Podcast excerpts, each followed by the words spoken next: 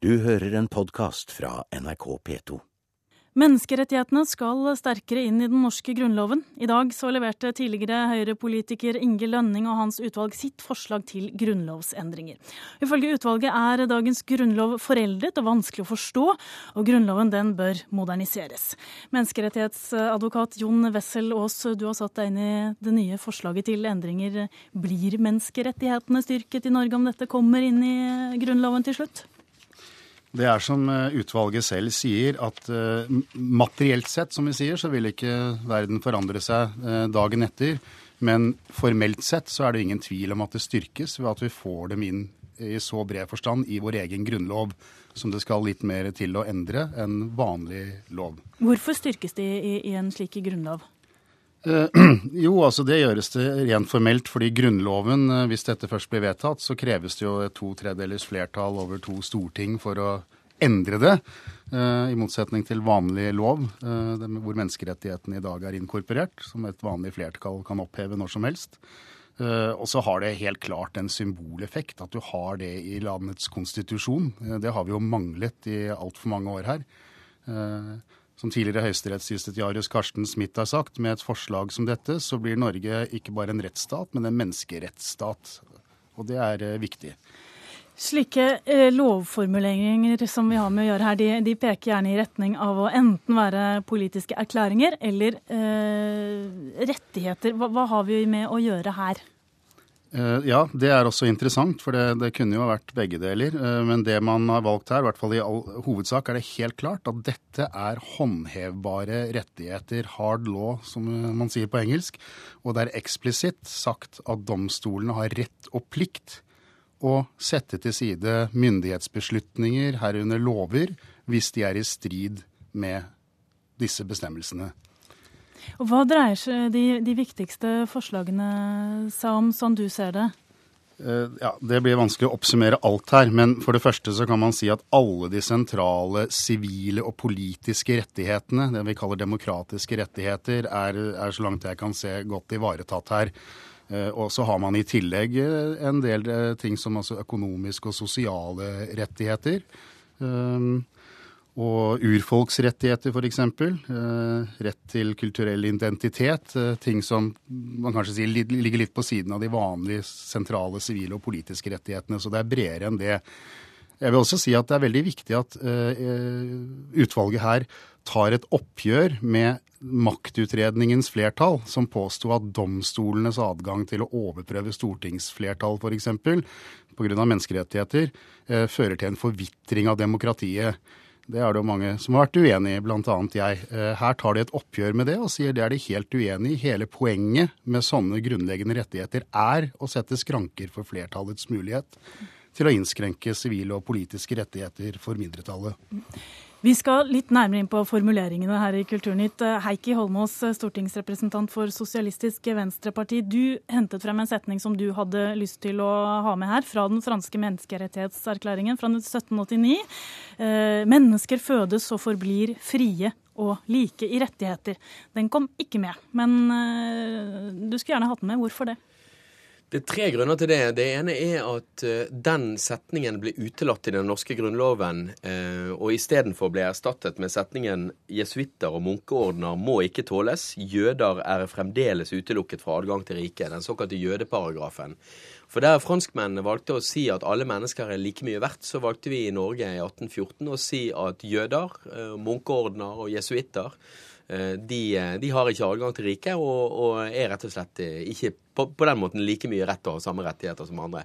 Jeg mener at det å ta inn den paragrafen, det å si at alle mennesker er født frie og like og har like mye rettigheter, det ville være et endelig oppgjør med jødeparagrafen.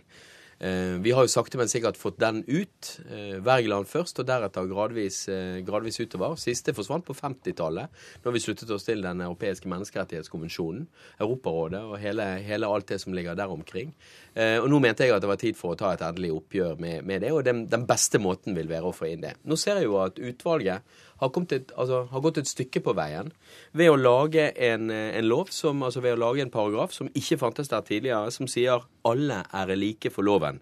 Der ingen mennesker må utsettes for usaklig eller uforholdsmessig forskjellsbehandling. Og det er klart at I det ligger jo si, essensen i likebehandlingen av mennesker. Men jeg må innrømme at jeg syns at den franske grunnloven både er, både er mer poetisk og samtidig mer håndfast i forhold til det å slå fast det universelle med menneskerettighetene. Så jeg ønsker meg fortsatt den. Men det får vi ta en diskusjon på frem mot endringene vedtas. Professor i språkvitenskap ved Universitetet i Agder, Sylfest Lomheim, du er også med oss. Syns du det er en poetisk og viktig setning? Mennesker fødes og forblir frie og like i rettigheter? Ja, den er fin, men jeg er ikke sikker på om den er lett å oppfatte umiddelbart. For det den uttrykker, er jo at mennesker ved fødselen har både like retter, og at de er frie. Og slik blir det gjennom hele livet. Men men ellers så har jeg veldig sans for standpunktet til vår gode SV-politiker her. Men Språket er veldig viktig når det formuleres lovtekster. Jon Wessel Aas, er det mange av grunnlovsforslagene slik de frem, legges frem nå, som inviterer til ulike tolkninger? Ja, altså Hvis vi ser bortsett fra at man insisterer på å skrive på det jeg kaller dorsk, altså gammel dansk-norsk, så er det jo i utgangspunktet det, men det er ikke noe nytt når man skal lovfeste så grunnleggende og generelle regler som skal regulere utenkelig, en utenkelig variasjon av tilfeller, så må formuleringene bli ganske runde.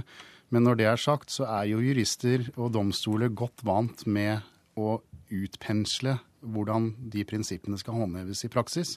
Og Et eksempel er jo Den europeiske menneskerettighetsdomstolen, som har holdt på siden ja, den kom i 1960 i titusenvis, hundretusenvis av avgjørelser som, som, vi forholder oss til når vi skal tolke teksten. Så teksten er bare et utgangspunkt. Så jeg har ingen, jeg har ingen generelle innsigelser på at man bruker den typen tekst for å regulere så uh, viktige områder. Du kan ikke regulere hvert tilfelle i detalj. Carl I. Hagen har allerede funnet en hel del passasjer han er uenig i. Er, er det overraskende på det? Jeg vet ikke om jeg vil kommentere om jeg er overrasket eller ikke. Jeg noterte meg at det var ramset opp så mange bestemmelser at jeg ikke klarte å lese gjennom alle de han hadde dissentert på. En av dem gikk på, på retten til kulturell identitet, så jeg. Og, og, det antar jeg antageligvis har noe med hans syn på integrering å gjøre. Men, men det får han nesten svare for selv. Heikki Holmås fra SV. Nei, det er riktig det. Det er riktig det, og det er også begrunnelsen, begrunnelsen hans. Men han brukte også begrunnelsen under, under, diskusjonen som var under fremleggelsen her av, av, av dette dokumentet, at, at, han valgte å se på de reglene og understreke at de reglene der staten holdt seg unna mennesker, det var de han var opptatt av å lovfeste i Grunnloven og få inn i Grunnloven, mens de der staten skulle stille opp for å ivareta de grunnleggende rettighetene, som f.eks. retten til helse, retten til undervisning, retten til en, en anstendig si, grunnleggende inntekt, sånn at du ikke går til grunne.